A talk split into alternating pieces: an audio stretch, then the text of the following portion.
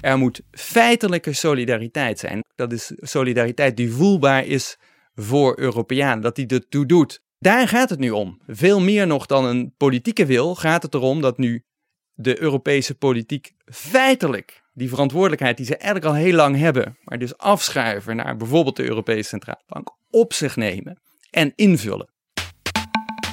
Eigenlijk willen de Nederlanders zien dat er in de Tweede Kamer gepraat wordt over die dilemma's, zodat men duidelijk krijgt: oké, waar liggen nou de grote afwegingen waar het om gaat, in plaats van dat men het gevoel heeft dat er iets heel belangrijks gaande is, waar niet over gepraat wordt en waar men alleen op een gegeven moment iets uit hoort na een Europese Raad. Dat is niet alleen voor de Nederlandse politiek slecht nieuws, maar het is ook ongelooflijk slecht voor de geloofwaardigheid van wat er in dat samenwerkingsproject gebeurt. Want op dat soort voedingsbodems groeien de verhalen van de superstaat. Dit is Betrouwbare Bronnen met Jaap Jansen.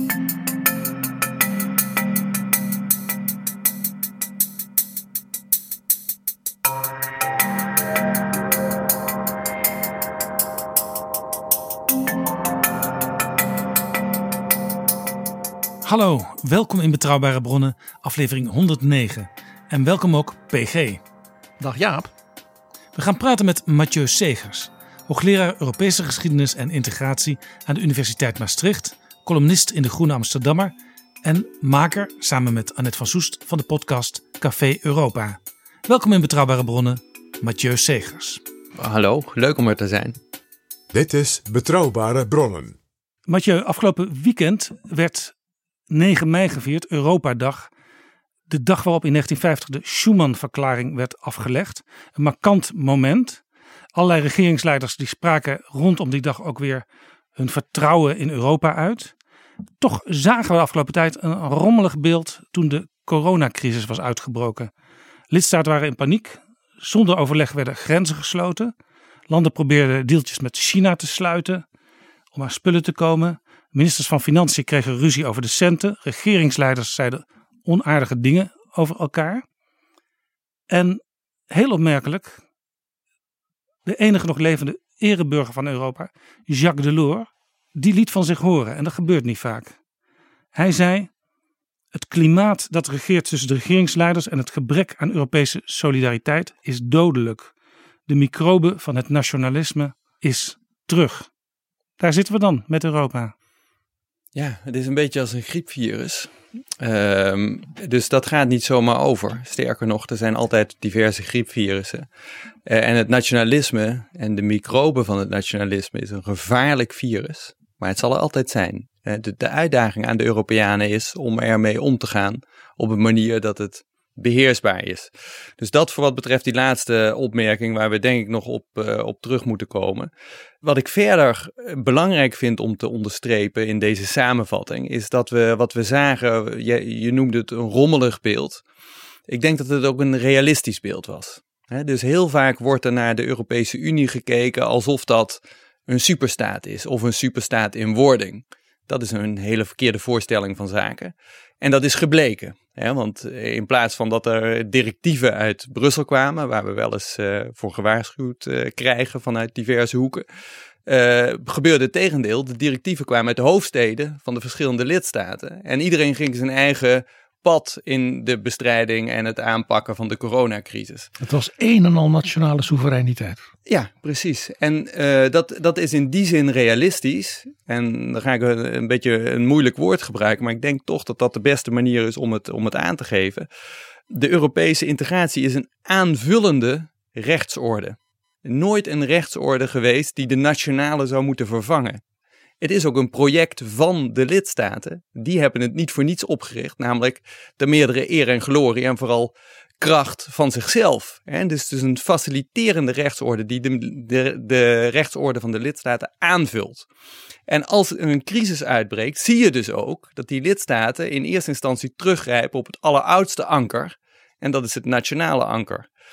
In de volgende fases, en die fase zijn we nu al een beetje in aan het komen, gaan we zien dat er een groot voordeel is van die aanvullende orde. Namelijk dat je daarin met elkaar dingen kunt afstemmen, regelen, praktisch met elkaar kunt afspreken op een vertrouwensbasis. En dat is ook wat er nu gaat gebeuren in eerste instantie omwille van het toerisme. Uh, in Europa.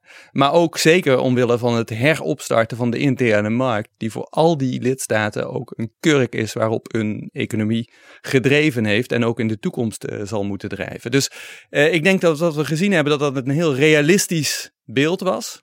en dat het een aantal mythes ontkracht, namelijk de mythe van de superstaat.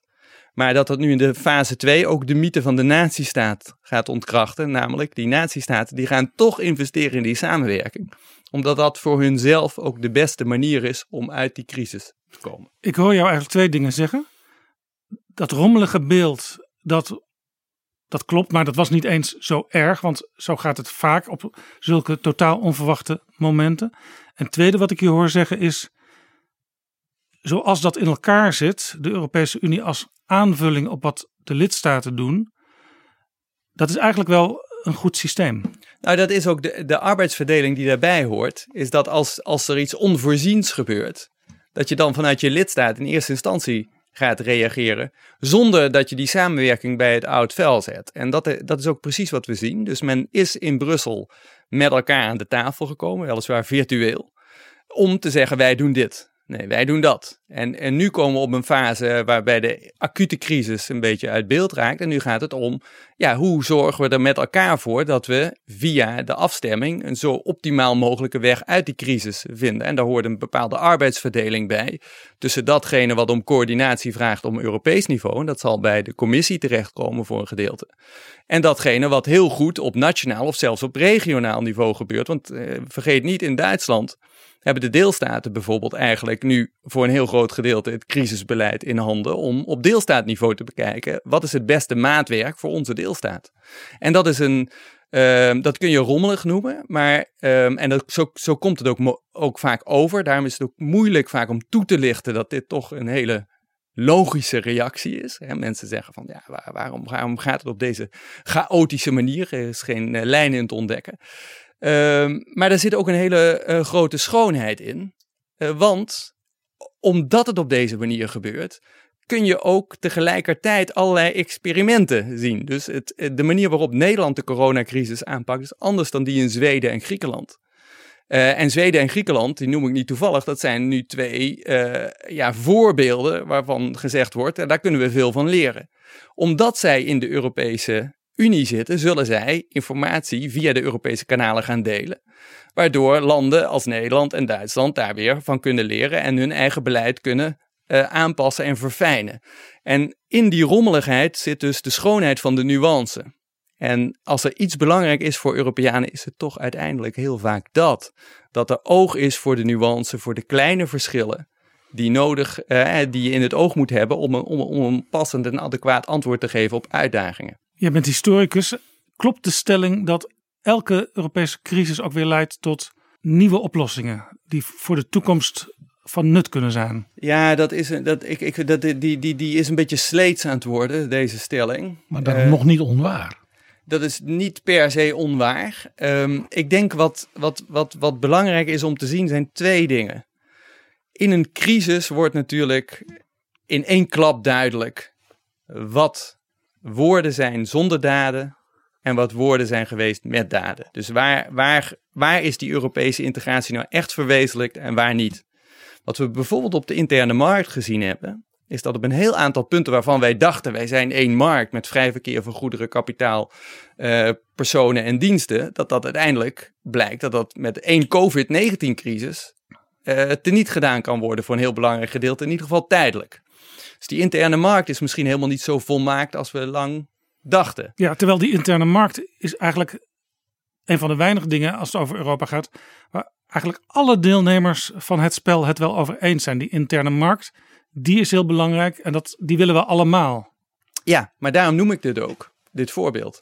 Want juist van die interne markt, die eigenlijk altijd buiten de discussie gehouden wordt, waar altijd van wordt gezegd, nou dat is iets wat in het hart zit, dat moeten we vooral zo houden. Daar wordt nu duidelijk van, hé, hey, die blijkt toch op allerlei manieren eigenlijk helemaal niet zo optimaal te functioneren. Door lidstaten ook dichtgezet te kunnen worden. Allerlei mensen met een nationaliteit gaan naar hun eigen kudde toe en verlaten de interne markt. Op de interne markt is verschil tussen mensen die in hun land verzekerd zijn en arbeidsmigranten uit EU-lidstaten die daar vaak een veel minder zekere status hebben als het gaat om gezondheidsverzekeringen bijvoorbeeld. Daarom zie je allerlei Roemenen bij het uitbreken van de crisis van COVID-19 meteen uh, in de file staan in Slowakije richting Roemenië, omdat ze in Italië, waar ze hun werk hadden, niet of slecht verzekerd zijn. Dat zijn allemaal uh, imperfecties op die interne markt.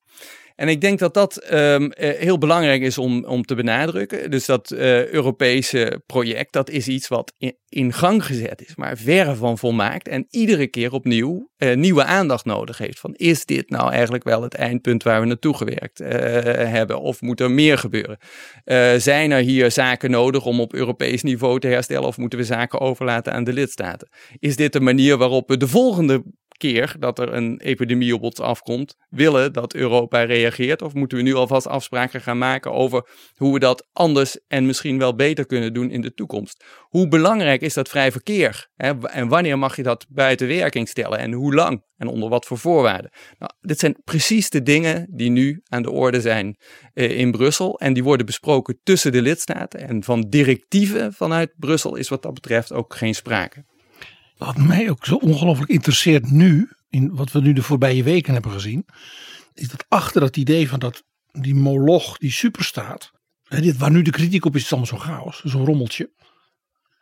Dat daar dus achter verborgen bijna zit, verscholen nog zit, een soort perfectiegedachte. Europa moet zo perfect georganiseerd zijn, zoals we het van onze nationale overheden natuurlijk nooit verlangen.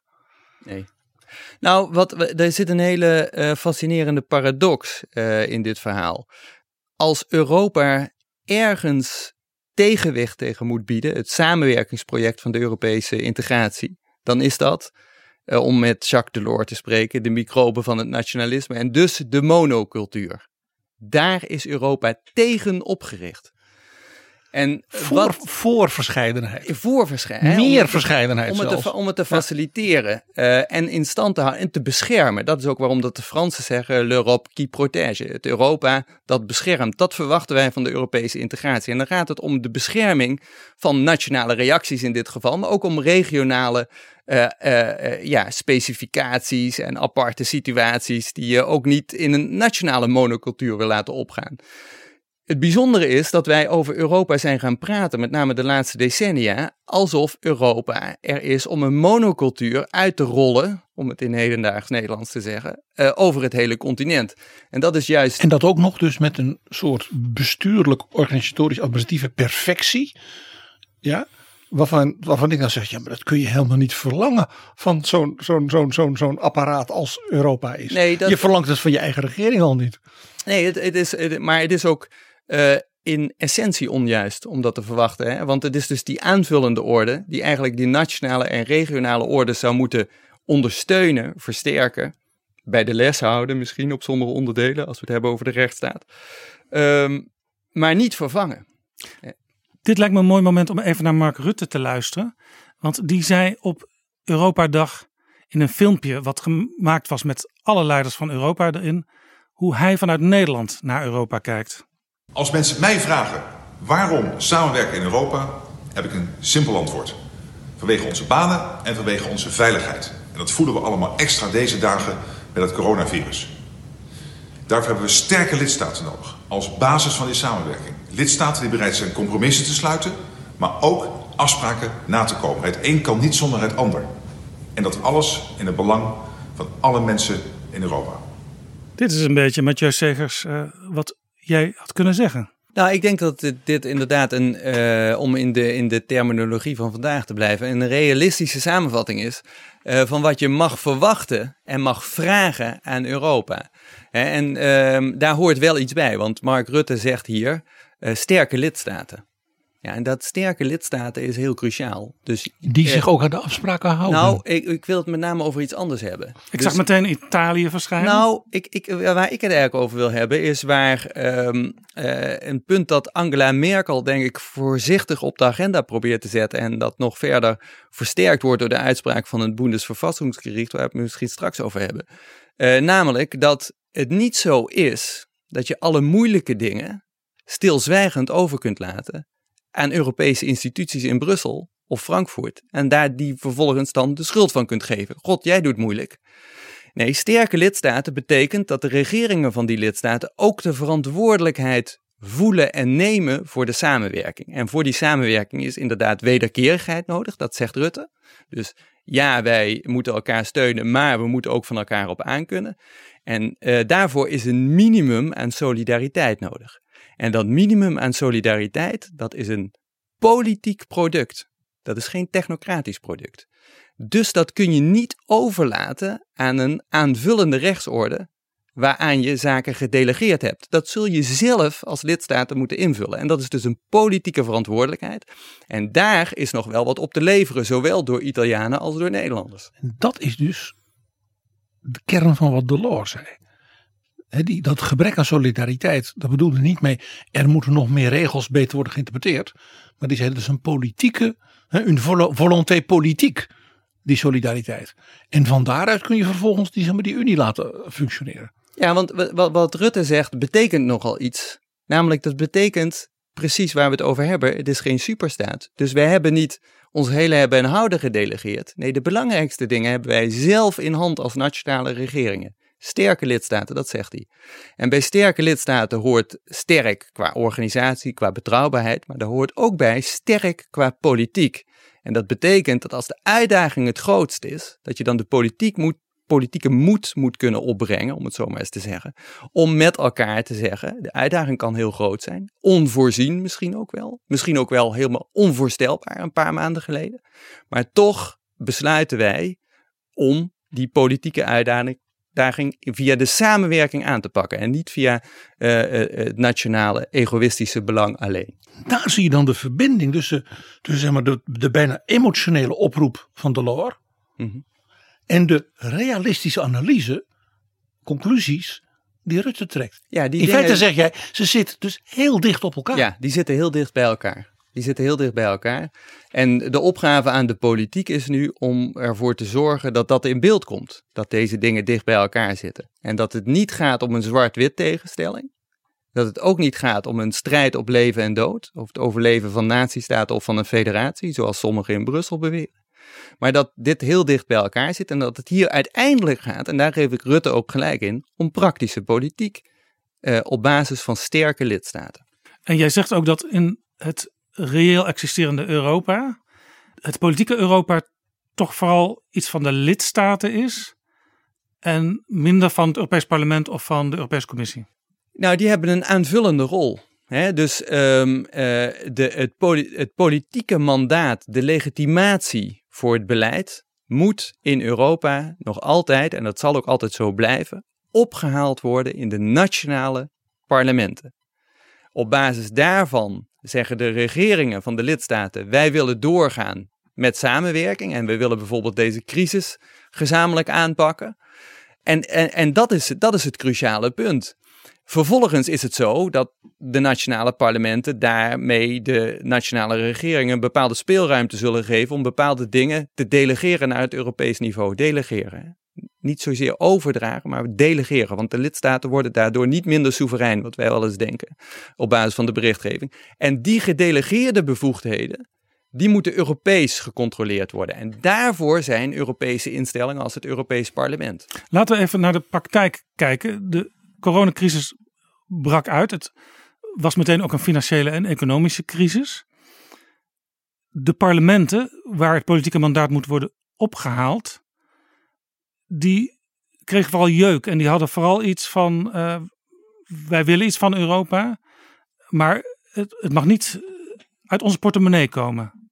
Dat zag je zowel in Italië als in Nederland. Het Nederlandse parlement steunt heel erg de lijn Wopke Hoekstra, zal ik maar zeggen. En dat is een, eigenlijk een hele, ja, toch in eerste instantie negatieve lijn. En dan zie je later in het Europese spel dat via de regeringsleiders, via Rutte, er toch weer compromissen worden gesloten. Maar het parlement staat heel erg aan de kant van Hoekstra in zo'n spel. Ja, er zijn, ik denk dat er twee dingen belangrijk zijn om hierop te zeggen. Eén is, Hoekstra neemt natuurlijk dat standpunt niet zomaar in. Dus je, hebt helemaal gelijk, en dat past ook bij wat we net bespraken. Hij heeft dat standpunt als het ware opgehaald in zijn eigen parlement. En daarom zal er ook altijd tot op zekere hoogte begrip zijn voor dat standpunt. Dat is Punt 1. Daarnaast is het natuurlijk zo dat ehm, deze crisis vroeg om ehm, eh, een politieke reactie. Die eigenlijk ging om ehm, hoe vangen we dit in Europees perspectief op. Daarbij was de positie van Hoekstra meteen zodanig gemarkeerd dat heel veel andere Europese landen dachten: ja, natuurlijk haal jij je mandaat nationaal op, maar op deze manier is iedere verdere discussie over hoe we dat vormgeven moeilijk Omdat wij als leiders allemaal bij- een nationaal mandaat Ja, nodig we- hebben. En, dan, en als we dat allemaal, dan, dan komen we bij Delors weer uit. Als we dat allemaal keihard 100% laten prevaleren, dan is er geen samenwerking mogelijk. Dan krijg je Kom- verlamming. Ja, dan krijg je verlamming. En dan kom je uit bij een ander punt, wat ook eh, een citaat van Hoekstra is. Dus hij heeft een hard standpunt ingenomen. Hij heeft altijd ook gezegd: Ik ben constructief. En uiteindelijk is dat ook gebleken, want, en dan kom ik bij het tweede punt. Wat er voor elkaar gebokst is binnen een paar weken aan hulppakket in de eurozone, 540 miljard, is in het licht van de vorige grote crisis, de eurocrisis, gigantisch. Gigantisch groot en gigantisch snel. En eh, ik denk dat we dat niet uit het oog moeten verliezen. Hè, de magneet van samenwerking die die eurozone is, vanwege ook de interne markt en de belangen die alle lidstaten daarbij hebben, is zo groot dat men iedereen, of het nou Italianen zijn of Nederlanders of Belgen of Luxemburgers, die zijn knopen telt, weet uiteindelijk, het is in mijn eigen belang om die interne markt en dus die muntunie als een onderdeel daarvan in leven te houden. Kunnen we hier in dit gesprek markeren dat die eurozone, waar 19 van de 27 lidstaten deel van uitmaken, dat dat eigenlijk de motor is van de huidige Europese Unie? Ja, dat is nog te vroeg. Dus het is een, pot, het is een kopgroep. Het is een kopgroep. Eh, en het is een potentiële motor. En er zijn allerlei mensen die al van de zijkant en soms op de hoofdtribune hebben geroepen. Dit moet de kopgroep en de motor zijn. Onder andere de Franse president van dit moment, Emmanuel Macron. Die heeft daar ook zijn eigen redenen voor, overigens, waar we het misschien in een andere podcast over moeten Iedereen heeft zijn eigen reden. Iedereen heeft zijn eigen reden. En ook daarom is het begrip ook altijd voor een hard standpunt. Hè? Als er maar die constructieve compo- component bij zit. Eh, Wat, ik denk, wat denk ik heel erg belangrijk is, is dat de eurozone op dit moment een kans heeft om het voortouw te nemen in dat Europese integratieproces. Eh, op een moment dat dat ook van de eurozone gevraagd wordt. Door de lidstaten van de eurozone, maar eigenlijk ook een beetje door de EU als geheel. Hè. Kan die kopgroep ook inderdaad invulling geven op zo'n manier dat het de motor kan worden van een herdefiniëring in de huidige omstandigheden en de omstandigheden van de toekomst van wat die Europese integratie nou moet behelzen. Het interessante is, bijna letterlijk is dit ook wat Christine Lagarde zei. Die zei, ik kan als Europese Centrale Bank, ben ik geen soort zelfstandig beleidsorgaan.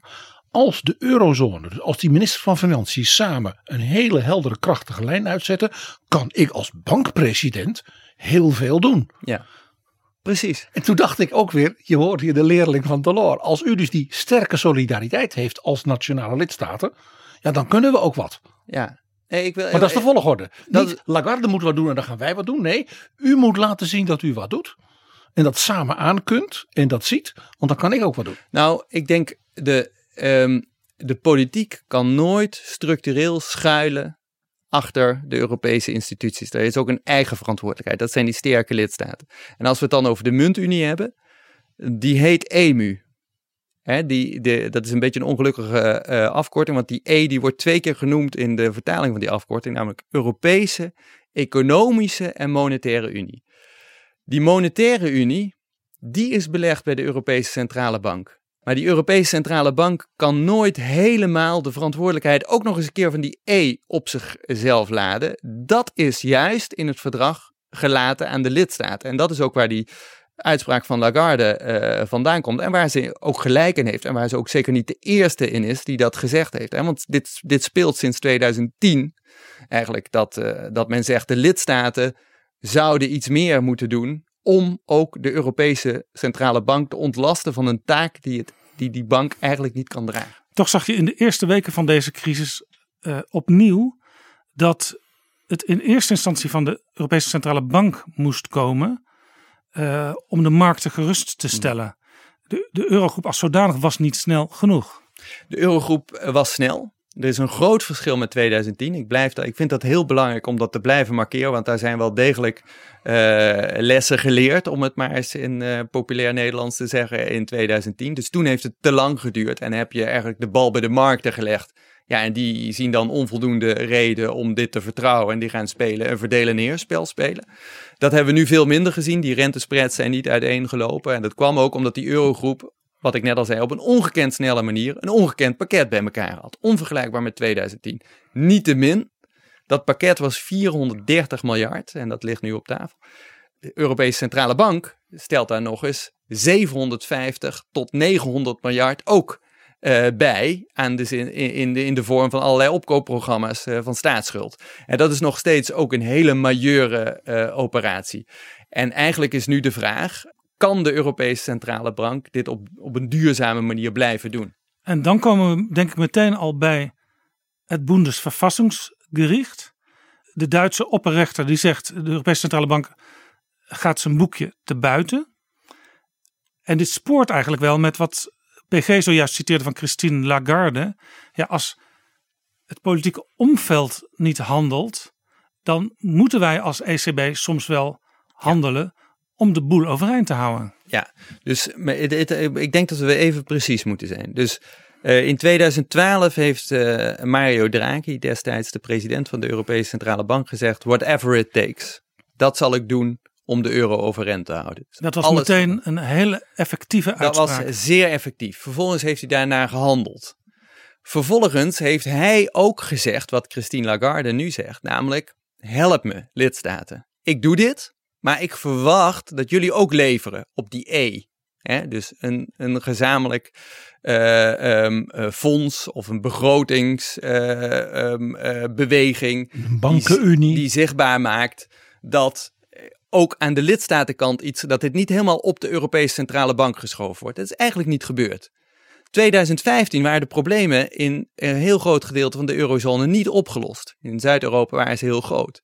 Toen heeft Mario Draghi vervolgstappen gezet in zijn whatever it takes uh, uh, uitspraak, omdat hij dat ook moest doen en omdat de lidstaten dat niet deden. En toen is er een opkoopprogramma opgetuigd met de naam PSPP.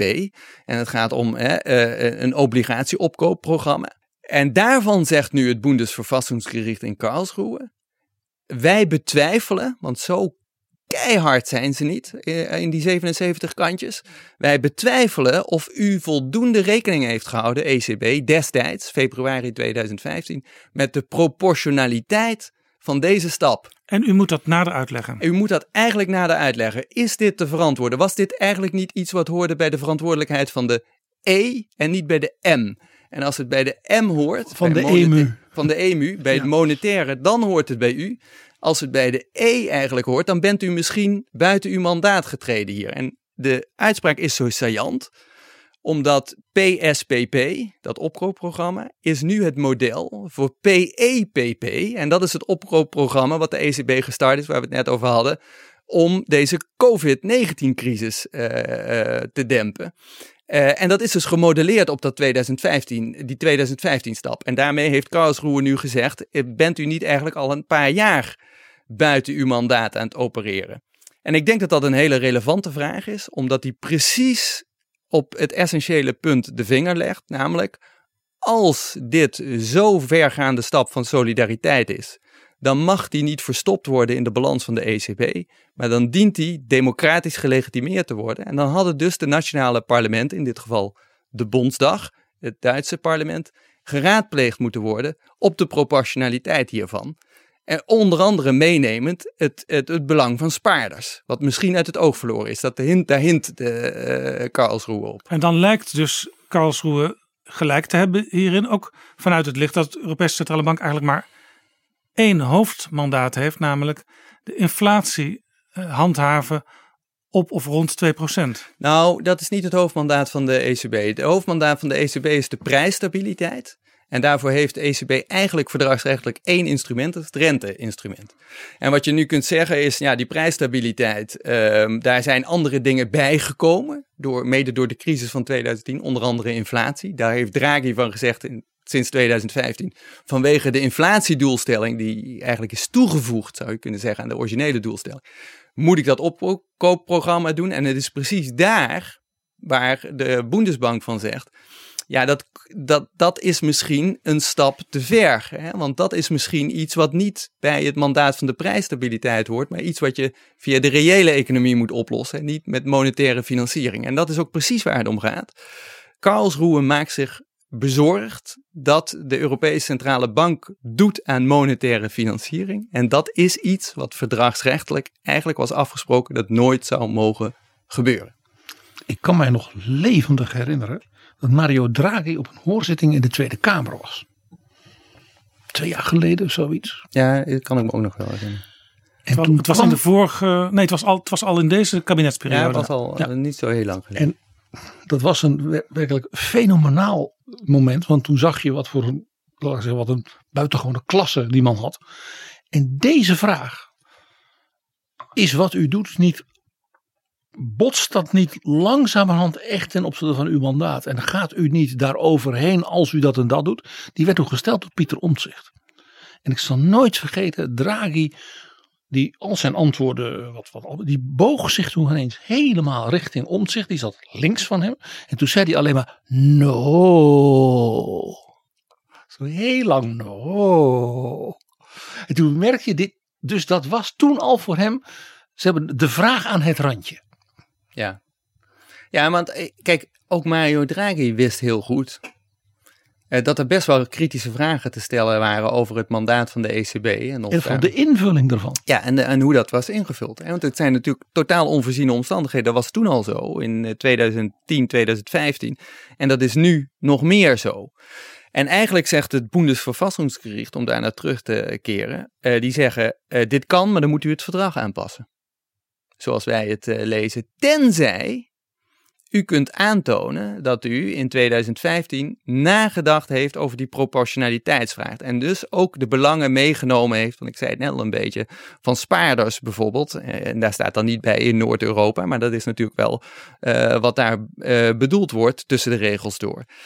En dat is een hele cruciale vraag. En daar heeft nu uh, uh, de Europese Centrale Bank drie maanden de tijd voor. En ik heb uh, de verwachting en ook het vermoeden dat dat bewijs best overlegd kan worden. Ik neem maar dat Draghi in drie maanden zijn memoires klaar heeft. en dat dat boek van 874 pagina's gewoon wordt ingeleverd in Karlsruhe. En dat ze daar tien jaar op gaan zitten studeren. En dan... Nou, ik denk dat het inderdaad, eh, het is nog lang niet uitgekristalliseerd wat het netto uitgelegd eh, politiek gewicht is van deze uitspraak. Maar het legt, wat wel duidelijk is, dat het voor de eerste keer onomwonden de vinger op de zere plek legt. Namelijk dat als die verdragswijziging er niet is, als dat bewijs toch de twijfel niet wegneemt, dan is er maar één route om dit te herstellen. En dat is dat een gedeelte van die solidariteit die nu verstopt zit in de balans van de ECB, naar de verantwoordelijkheid geschoven wordt van de lidstaten zelf. En dat betekent dus dat er nog meer zal moeten gebeuren dan die 540 miljard uh, die er nu zijn opgetuigd. En dat er bijvoorbeeld een koppeling tot stand gaat komen, waar Merkel ook al op voorsorteert, met uh, het me meerjarig financieel kader, het MFK, de begroting van de Europese Unie. En dan zijn we dus weer bij dat punt van die echte solidariteit van Delors als een politieke wilsuiting en niet iets dat doe je bij zo'n bank. Ja, maar en ik, zit ik denk dat, dat, dat die politieke wilsuiting, weet je, dat heeft zo'n mythisch uh, ja. Delphi-achtig, uh, dat kun je aan een orakel vragen, wat is nodig? En dan zegt het orakel van Delphi een politieke wilsuiting en dan weet je nog steeds niet wat nodig is. Ik denk dat hier een De ander citaat, européenne. een ander citaat veel belangrijker is, van ook een Fransman overigens, uh, die, waarvan we onlangs 70-jarig bestaan van zijn verklaring hebben gevierd. Robert Schuman zei, uh, solidarité de fait. Hè, dat was de kernzinsnede uit zijn verklaring van 70 jaar geleden. En daarmee bedoelde hij, er moet feitelijke solidariteit zijn. En daarmee bedoelde hij ook, dat is solidariteit die voelbaar is voor Europeanen, dat hij ertoe doet. En dus ook wederzijds. Ja, en wederzijds. Maar, en daar gaat het nu om. Veel meer nog dan een politieke wil gaat het erom dat nu de Europese politiek feitelijk die verantwoordelijkheid die ze eigenlijk al heel lang hebben, maar dus afschuiven naar bijvoorbeeld de Europese Centrale Bank, op zich nemen en invullen. En dat is interessant, want in landen als Duitsland en Nederland wordt al heel lang geklaagd over de Europese Centrale Bank. Eigenlijk wat het Bundesverfassungsgericht in juridische termen zegt, zeggen politici in Duitsland en Nederland in de politieke wandelgangen. Maar ja, daar kun je dus iets aan doen, zeg je Ja, zojuist. ik denk dat het Bundesverfassungsgericht beschermt ook de Europese centrale bank. Hè? Dus ik denk dat, de, dat, dat, dat ook daarom is het eh, ook wat dankbaarheid waard dat de Duitse rechters de moeite hebben genomen om die 77 kantjes te schrijven op basis van primaire bronnen. Want daarin zeggen ze, dit is, wij vragen van de Europese Centrale Bank iets wat de Europese Centrale Bank eigenlijk niet kan geven. En daarmee overvraag je iemand, zet je ook die Europese Centrale Bank klem. Dus Merkel en haar minister Olaf Scholz, eh Mark Rutte en zijn minister Wopke Hoekstra, die kunnen zichzelf een dienst bewijzen door meer op Europees politiek niveau over deze grote economische kwesties te praten. Door te laten zien dat ze sterke lidstaten zijn, wat onze premier zelf zegt. En eh, de, de, de Duitsers die sorteren daarop voor, niet alleen omdat er een Duits voorzitterschap aankomt in de tweede helft van dit jaar, maar ook omdat Merkel al heeft aangegeven dat zij inziet hè, dat deze crisis vraagt om een ander soort benadering dan in 2010 gekozen is. En ook dat zij inziet dat de Europese Centrale Bank niet nog zwaarder belast kan worden met het opeenstapelen van schulden in die balans die onevenwichtig zijn. En dat er dus een reëel ander instrument in die E van de EMU tegenover gezet moet worden, een economisch instrument. En dat dat op een of andere manier voor moet krijgen in de economische realiteit. En dat betekent een fonds, een hulpfonds. Het begin is er met die 540 miljard. Maar dat betekent ook de discussie over de Europese begroting openbreken. En daarvan heeft ze nu ook niet voor niets aangegeven. Dat ga ik doen en dat kan ze ook doen. Want iedereen heeft gedacht, lekker makkelijk dat die Duitsers voorzitters eh, zijn. En de tweede helft van dit jaar, die gaan dan toch meer betalen. Dus die begrotingsdiscussies schuiven weer daar naartoe. Merkel zal het ook gebruiken om te zeggen, sterke lidstaten, laat dan ook zien dat je een sterke lidstaat bent. En ze is er al een beetje mee begonnen. Dus zij zou dus wel eens, want het is waarschijnlijk haar laatste half jaar als Europees voorzitter. Een beetje zo van, eh, nou ja, als jullie dan toch denken, nou lekker dat die Duitsers het doen, dan ga ik het ook doen. Ja, ja. Ik denk. eh, Dan, dan krijg je die solidariteit d'effet. Nou, dan, zij, zij heeft al aangegeven dat voor haar deze situatie heel anders is. Hè? En dat eigenlijk de, eh, dat wat nu belangrijk is, is een open oog voor eh, het exploreren van de alternatieven die op tafel liggen. En niet een, een, een gesloten houding vanuit een ingegraven positie die alleen maar ingegeven is uit, het, eh, ja, uit een soort van reflex. Hè? Waar de Duitsers ook niet vrij van zijn overigens. Eh, maar zij neemt daar een belangrijke verantwoordelijkheid. En ze sorteert daarvoor op het openbreken van de discussie. Onder andere over de Europese begroting. En daar is ook heel duidelijk over geweest. En zij, en dat is ook wel belangrijk om te, te onderstrepen. Zij bouwt daarbij politiek draagvlak in haar land. En want zij heeft dus gezien dat de Duitsers dit willen. De Duitsers zien in, die tellen zelf hun knopen, dat ze niet willen dat er collateral damage ontstaat door deze eh, crisis. Niet in de markt, maar ook niet in de munt. En daarom kan zij ook hè, eh, deze opening, eh, opening bieden. En nog heel belangrijk om daar nog één ding om daaraan toe te voegen. Zelfs de Duitse industrie heeft nu een gezamenlijk bericht uit doen gaan dat zij het heel belangrijk vinden dat er gebeurt wat nodig is in die E van de EMU om de zaak overeind te houden. En eh, dus met dat draagvlak in de bevolking en van de industrie staat Merkel binnenland sterk genoeg. Heel, om- heel interessant. Die uitspraak van de Duitse ondernemers, die is gedaan samen met de organisatie van eh, Franse ondernemers en Italiaanse ondernemers. En waar was Nederland? Ja. Nee, maar dat is een beetje een teken. Hè, dat Ne- Nederland is een. Ik denk dat Nederland nog verre van uitgespeeld is. Maar het is wel een heel belangrijk moment voor de Nederlandse Europapolitiek. En Nee. dit is ook het moment waarover Herman van Rompuy onlangs zei, de oud-voorzitter van de Europese Raad. Er zijn grote nieuwe compromissen nodig. Duitsland ziet dat al wel. Ja. Anderen nog niet. Nee, dat ben ik met eh, Herman van Rompuy helemaal eens. En Nederland is hier in een swing state. En een hele belangrijke swing state. Als Nederland meegaat hè, met eh, de Duitse lijn, dat betekent uit eigen belang investeren vanuit een besef dat de Europese interne markt niet gratis is. Hè, dat, dat je die niet zomaar overrent houdt. Dat daar ook iets bij hoort, een sterke lidstaat. En dat die je het zelf verantwoordelijkheid ook bent. En dat je daar zelf, hè, dat je, dat, Je tuurlijk, bent de Europese markt. Je, je bent dat. Ja, Als wat, de haven van Rotterdam Rutte, en wat we met- Rutte zojuist hoorden ze- zeggen, alleen we hebben nog niet Ja. de handelingen erbij Nee, gezien. maar ik denk dus dat Nederland daarom ook nog niet uitgespeeld is. Want Duitsland weet dat als Nederland als swing state aan haar kant komt, op, pas op dat moment staat Duitsland er niet meer alleen voor. Pas op dat moment. En de- wij beseffen in Nederland soms veel te weinig hoe groot onze potentiële invloed daardoor is op de toekomstige oplossingen. Zünglein am Wagen, zoals de Duitsers dat zo mooi noemen. Hè? Het, het, het dingetje dat de weegschaal de ene kant dan of de andere kant door, door Duitsland. Nou, dat kijk, kan maar een klein dingetje zijn, een Zünglein, Ja. een tongetje. Maar het is dus heel belangrijk Nou, als het je is dat goed met doet. name belangrijk met het oog op de toekomst. Dat als de Duitsers het alleen moeten doen, doen ze het ook.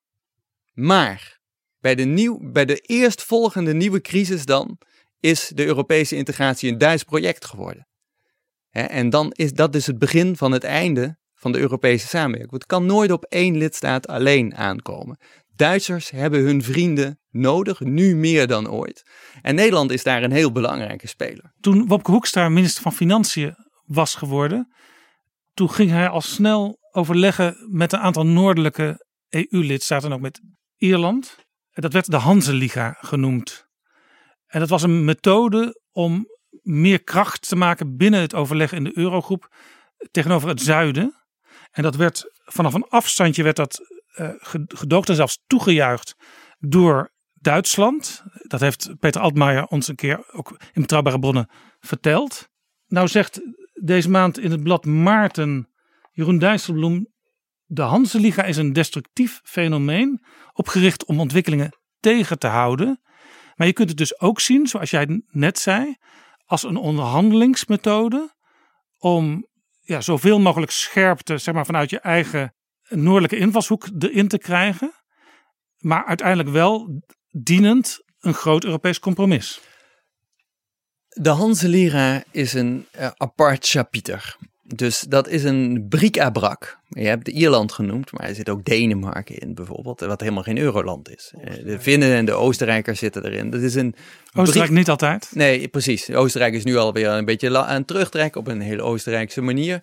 Ehm, dus het is een bric-à-brac. Het is een, een, een, een, een potpourri van eh, landen die eigenlijk vinden dat er wat tegenwicht mag komen tegen de, de, de Franse, Zuid-Europese, Latijnse invloed eh, in de muntunie. Ook door landen die daar nog buiten staan. Dus zoals bijvoorbeeld Denemarken.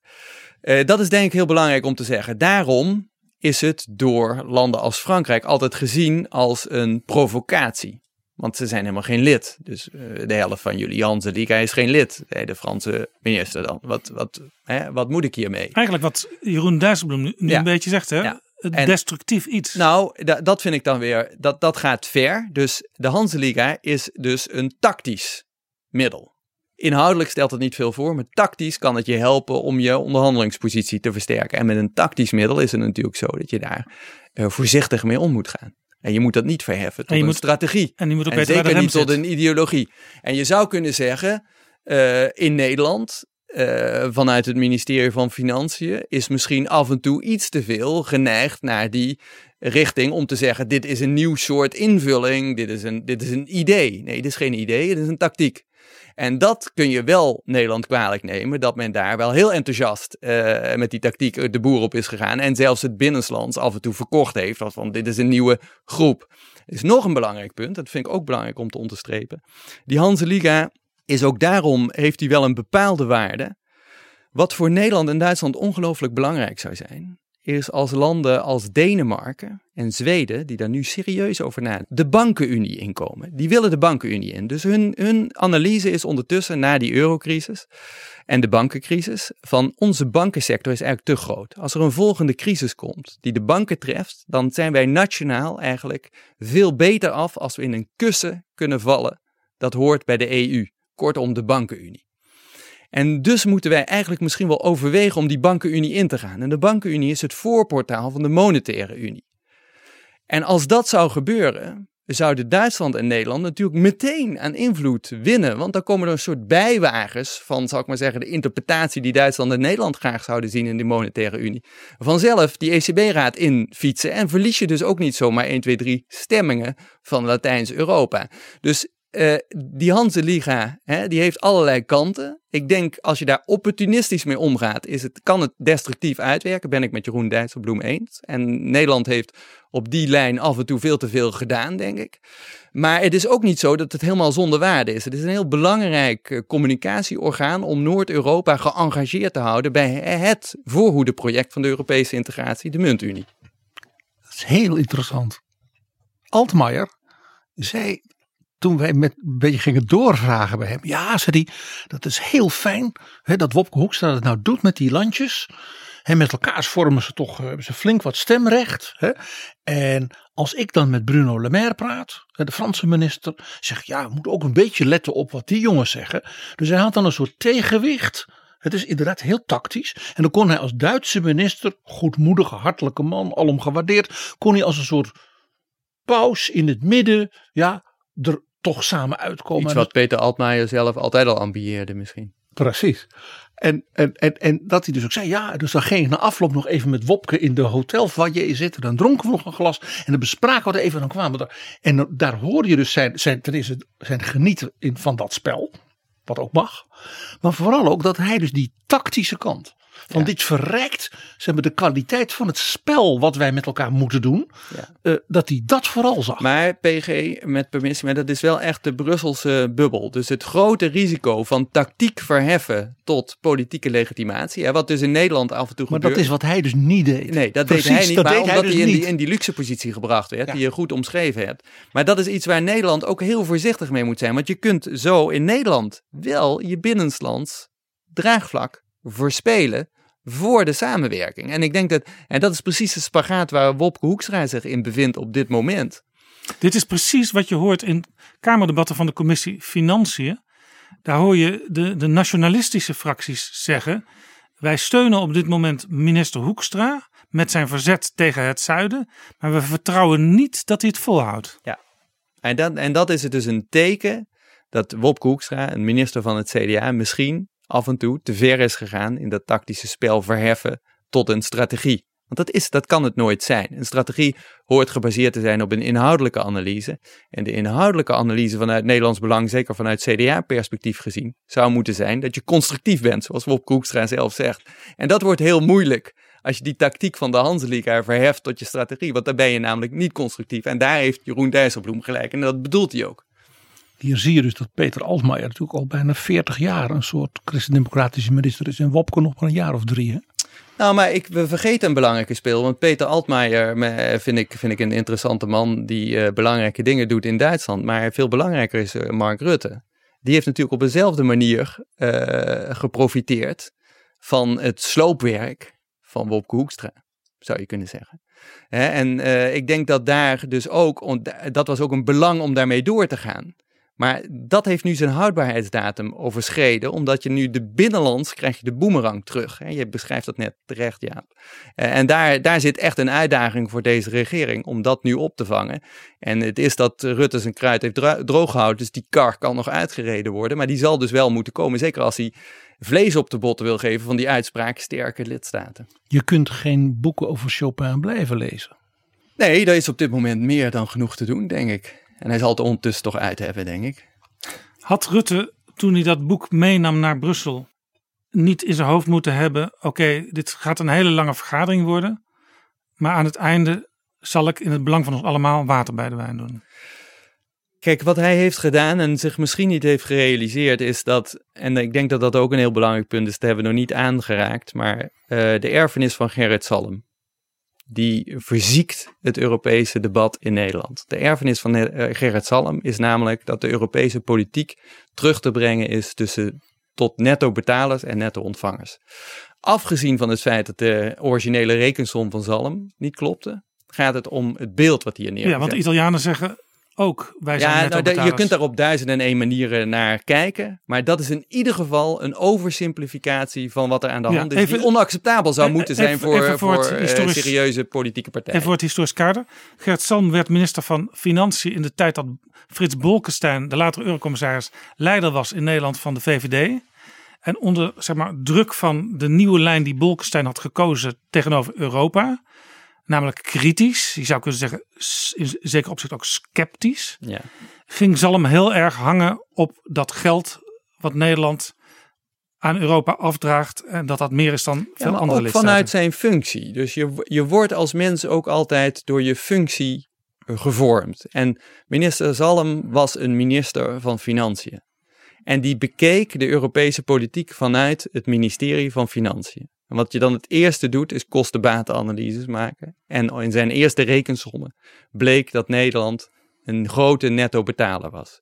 Hij heeft dat aanhanger gemaakt, is gehoord in Europa. Zijn ook meteen in Europa mensen in de benen gekomen om dat te corrigeren. Is in zekere zin gecorrigeerd. Nog even afgezien van de betrouwbaarheid van de rekensom van Gerrit Salm zelf. Nu gaat het, nu- maar nu ja. gaat het over, Jaap, dat vind ik heel belangrijk, over wat doe je dan met dat gegeven? Ga je dat politiek uitventen? Nou, dat heeft Salm niet één keer gedaan, maar honderd keer. Dus hij, hij kon vervolgens de hele Europese politiek jarenlang uitleggen in de logica van netto-ontvangers en netto-betalers. En dat zie je terug bij de onderhandelingen over de Europese begroting. Dat is nog altijd wat iedere Nederlander onthouden heeft. Wij betalen meer dan dat we krijgen. Dat hoef je Nederlander maar één keer te zeggen, niet honderd keer. Dan heeft hij het al begrepen. En dat is ook precies waar Rutte op zat toen hij die onderhandelingen ingaat. Vanuit binnenlandspolitiek en vanuit zijn politieke partij goed te begrijpen. Maar vanuit Europees perspectief funest voor zijn positie. Want daar zei iedereen, hoe kun je, hoe kun je op dit moment, in deze situatie, de Europese politiek verengen tot een verkeerde rekensom van een minister die twintig jaar geleden eh, minister van Financiën Gerrit Salm werd in het zuiden van Europa Il Duro genoemd, Ja. de harde. Is het zo, en is dat meteen ook het probleem, Dat vond hij vooral zelf hoor, dat dat, Dat- gezegd werd. dat zijn opvolgers en misschien ook Rutte eigenlijk ook wel de ambitie hebben om zo een keer te boek komen te staan?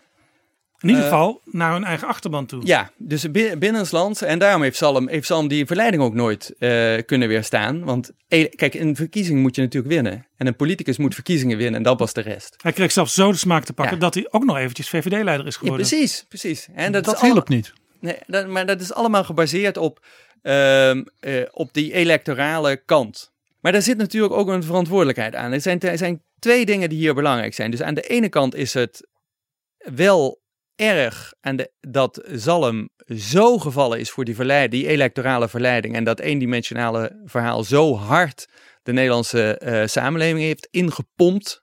Meer dan eens. Aan de andere kant eh, is het voor de rest van de Nederlandse politiek eigenlijk eh, ja, armoedig. Dat niemand op het idee gekomen is om daar misschien iets van te zeggen of tegenover te stellen. Maar, maar wat je ook niet moet vergeten, en daar komt zijn naam in Italië van vandaan, is dat dit door eh, serieuze Italiaanse politici, die weten dat de, problemen in Italië heel groot zijn en al heel lang heel groot zijn. En dat je in Italië niks voor elkaar krijgt, net zoals in Frankrijk, zonder externe druk. En net zoals in Nederland, want daar wordt eh, de, de 3%-norm van stal gehaald om bezuinigingen mee te eh, legitimeren. Maar die Italianen hebben Zalm echt wel eens bedankt, Mario Monti, om te zeggen van het is fijn dat jij zo duidelijk en hard bent, want dan heb ik een binnenlands politiek argument. Ik zeg, ja, wij moeten wel, wij willen wel een betrouwbaar lid blijven van die muntunie. En dat betekent dat we ook moeten leveren. Precies wat Rutte ook vraagt. Hè? Je moet ook betrouwbaar zijn. En daarvoor hebben wij af en toe een vinger nodig van buiten. Want anders dan krijg ik mijn Italiaanse burgers eh, niet in het gelid eh, om, om, om de stappen te zetten die nodig zijn. Dus inderdaad is het zo dat achter de schermen Zuid-Europeanen niet zelden Noord-Europeanen bedanken. Ja. Zoals het andersom ook gebeurt. Ja, op dit moment speelt iets vergelijkbaars in Italië. Want de grote oppositiepartij, de Lega, die is in de opiniepeiling gestegen van 17,5% naar 26,5%. En daar heeft natuurlijk wie er ook premier is, die in Europa zaken wil doen, last van. Ja, de, eh, ik vind het heel moeilijk uh, te beoordelen op dit moment hoe sterk de Lega staat. Uh, wat ik constateer is dat zowel de Vijf Sterrenbeweging, die nog in de regering zit, als de voormalig partner in die regering, de Lega Noord van Matteo Salvini, allebei heel duidelijk zijn op één punt. Namelijk, wij willen een constructief lid zijn van Europa. Terwijl dat ze allebei geflirt hebben met het tegendeel. En dat betekent dat ook zij op het moment dat ze de verantwoordelijkheid gedragen hebben of nog dragen, in het geval van de Vijf Sterrenbeweging, hun knopen tellen. En zeggen, het is in het belang van Italië dat wij constructief zijn. En ik ben het in die zin met Hoekstra eens dat de Italianen daar veel meer werk te doen hebben dan de Nederlanders om een betrouwbare partner te zijn. Het is alleen jammer dat Hoekstra zich heeft laten verleiden tot een show-off met Italië. Dat was helemaal niet nodig geweest. En daardoor heeft hij de zaken onnodig op scherp gezet. En daarvan zal hij ook de zure vruchten plukken in het binnenlands politieke spel. Want je hebt ze net al omschreven. Namelijk daar zal hij ook aan zijn woorden gehouden worden in de traditie van Gerrit Salm. En die woorden van Gerrit Salm, die bieden op dit moment te weinig basis om daadwerkelijk invulling te geven aan die belofte van een constructieve positie. En de Nederlandse leiders lopen eigenlijk nog steeds in dat spoor van Zalm, zeg je. Ik las in je boek op pagina, in je, je prachtige boek op pagina 283. Nederland heeft vaak een wat wereldvreemde positie in Europa. Een positie die nog maar moeilijk rationeel te duiden valt. En dat boek dat ging ook over Zalm en zelfs ook wat daarna nog kwam.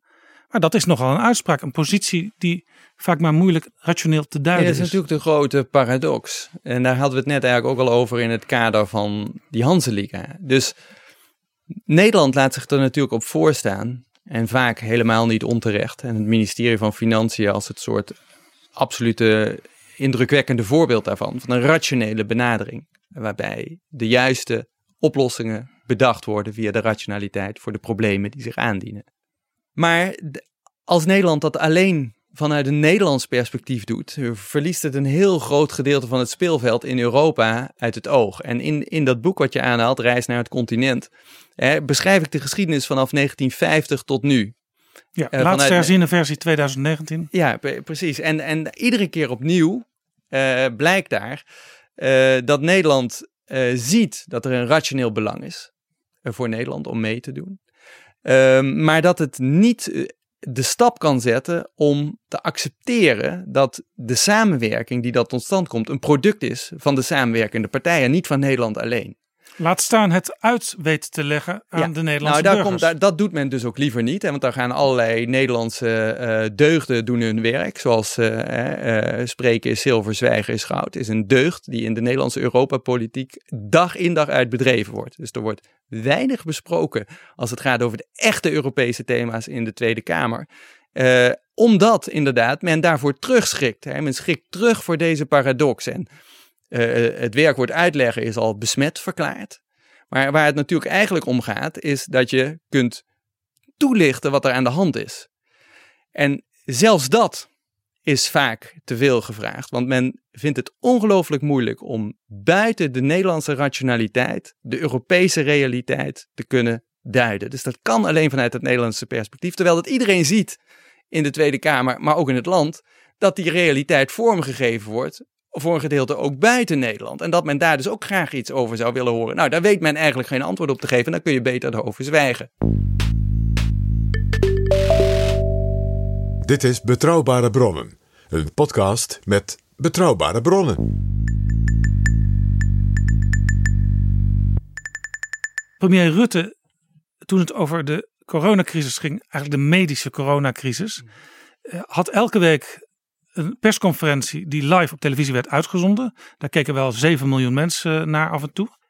Daarin legde hij heel helder zijn afwegingen en dilemma's uit. En hij zei: Dit is wat de deskundigen ons vertellen. Dit zijn de belangen die we moeten afwegen. Dat heeft waarschijnlijk ook ertoe geleid dat hij nu weer heel populair is in de peilingen. Zou hij dat, als het over Europa gaat en de Europese politiek en de Europese compromissen, zou hij het ook op die manier moeten doen? Die afwegingen laten zien. Ja, ik denk dat dat, hè, dat is iets wat Angela Merkel is gaan doen in de eurocrisis. Niet meteen, maar gaandeweg de crisis. En wat haar absoluut geen windeieren heeft gelegd, omdat de Duitsers daarna snakten. Die willen weten wat het politieke dilemma is. Eigenlijk wil de, wil, willen de Nederlanders zien dat er in de Tweede Kamer gepraat wordt over die dilemma's, zodat men duidelijk krijgt, oké, waar liggen nou de grote afwegingen waar het om gaat, in plaats van dat men het gevoel heeft dat er iets heel belangrijks gaande is, waar niet over gepraat wordt en waar men alleen per persbericht op een gegeven moment iets uit hoort na een Europese Raad. Dat is niet alleen voor de Nederlandse politiek slecht nieuws, maar het is ook ongelooflijk slecht voor de geloofwaardigheid van wat er in dat samenwerkingsproject gebeurt. Want op dat soort voedingsbodems groeien de verhalen van de superstaat, die dus helemaal niet de realiteit beschrijven. Grappig. Uit de memoires van Jean Monnet weten we dat in toen hij begon met het ontwerpen van die allereerste samenwerking, de kolen en staal. Dat hij dus debatten had met de Nederlandse vertegenwoordiger, meneer Spierenburg. En het is werkelijk of je jouw verhaal letterlijk nu 70 jaar geleden opnieuw hoort. De Nederlandse rationaliteit. Die man kwam met een voortreffelijke analyse. De man is dat ook een geweldige vent. Zeer gedegen, ja, rationeel, uitgewerkt. Maar ja, dan en toen waren ze nog maar met z'n zessen. Toen moest ik natuurlijk wel, ja, die Belgen, die Luxemburg, die Italianen zeiden, ja, dat zegt die Nederlander nou wel.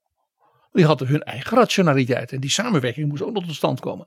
En Monet beschrijft dan hoe hij dan als Fransman, en natuurlijk als zeer ervaren en briljante uh, figuur, die Nederlandse rationaliteit kon gebruiken door hem als het ware voor een deel te adopteren.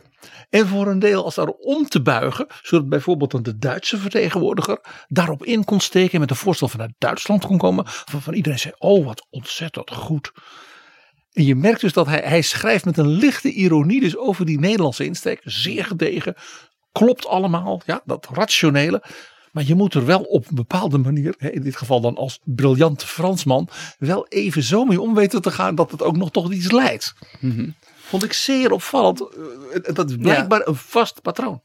Nou, de, de Nederlanders zijn uh, zeer overtuigd uh, van hun benadering en gelden ook heel vaak als goed voorbeeld. Maar daarmee uh, ben je nog geen politiek aan het bedrijven. En ik denk um, over de memoires van Jean Monnet gesproken. Um, dat Jean Monnet, ja, hij heeft die Nederlanders uh, in zekere zin op de manier behandeld zoals jij het beschrijft. En daar was hij inderdaad een meester in, in het bijeenbrengen van partijen. Maar je moet niet vergeten dat Willem Drees en met name ook zijn, uh, zijn secretaris Fok uh, een zeer groot wantrouwen koesterde tegen Jean Monnet. Juist vanwege deze skills, hè, om het in hedendaagse En minister Liefdink. En minister Liefdink, die tekende niet eens mee hè, met het EGKS-verdrag. Dus um, ik denk dat dat wel belangrijk is om te laten zien dat die, ne die Nederlandse argwaan zo niet wantrouwen. Afhankelijk, is zo oud als de weg naar Rome. Is, hoort bij het Europese. in ieder geval de weg naar het verdrag van Rome. Ja, hij kan ja, alleen. Hè, en, en, en is dus ook een gevaar. Hè, is een gevaar, een reëel risico voor de Nederlandse belangen. Want daarmee kan Nederland zich buiten uh, Europa plaatsen. En dat is nooit in het Nederlands belang. Dat was ook de reden waarom de Drees zei: Ik vertrouwde niks van, ik doe toch mee. Dat is een heel groot risico. En het, om dat risico te counteren, is het nodig dat er af en toe, dat hoeft helemaal niet vaak te zijn voor de Nederlandse bevolking, maar dat er af en toe iemand, zoals bijvoorbeeld in de jaren waar je het net over had, Jelle Zelstra, die toen minister was van Economische Zaken en later van Financiën, durft om in de Kamer te zeggen wat de afweging is. Precies wat jij net zei, Jaap. Wat de dilemma's zijn en waarom hij denkt dat de Nederlandse positie, in dat geval 1957, afhangt van het verdienvermogen van Nederland op de interne Europese markt en niet bijvoorbeeld de markt in de Oost. En dat het daarom in essentieel belang van Nederland was om mee te doen met die interne markt, hoewel daar ongetwijfeld ook kosten aan verbonden zouden zijn op allerlei manieren. Inperking van de eigen beweegruimte, je moet rekening houden met anderen.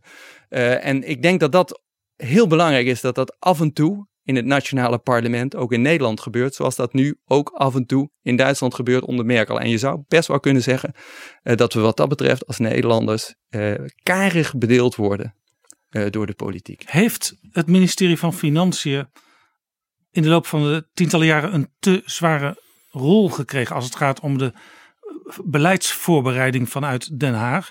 In de jaren 80 en 90 had je nog dat buitenlandse zaken een belangrijke rol had. Er was meestal ook een staatssecretaris van Europese Zaken. En de minister van Buitenlandse Zaken bemoeide zich er ook mee. Ja. Nu is het eigenlijk alleen het voortraject financiën wat je ziet en hoort. En uiteindelijk de minister-president ja. die de compromissen sluit. Nou, ik denk dat dat, kijk, voor, voor Nederland was die staatssecretaris van Europese Zaken bij Buitenlandse Zaken was een, een natuurlijke uh, controle op te rabiate insteken. Hè? Dus het is prima om uh, alle kennis en kunde van uh, financiën in principe voor te laten gaan. Maar het is ook heel belangrijk om daar geen monocultuur van te maken. Uh, om te zorgen dat je wel beseft en dat je dat dus ook verankert in je eigen voorbereiding, dat er ook nog anderen aan tafel zitten. En dat, dat je dus alleen vanuit je eigen rationaliteit redeneren ook ervoor kan zorgen dat je jezelf in een heel nadelige positie terechtbrengt voor wat betreft de invloed. Nou, de, de staatssecretaris van Europese Zaken was een soort natuurlijk evenwicht hè, om, om dit te waarborgen. Die is uh, na Frans Timmermans niet meer ingevuld. En Mark Rutte heeft dat zelf op zich genomen, zou je kunnen zeggen, binnen het ministerie van Algemene Zaken. Uh, dat heeft hij vaak goed gedaan, maar hij kan natuurlijk niet alles doen. En in dit geval zag je heel duidelijk dat eigenlijk uh, de regeringsorganisatie overvraagd was. Want Mark Rutte moest de COVID-19-crisis managen.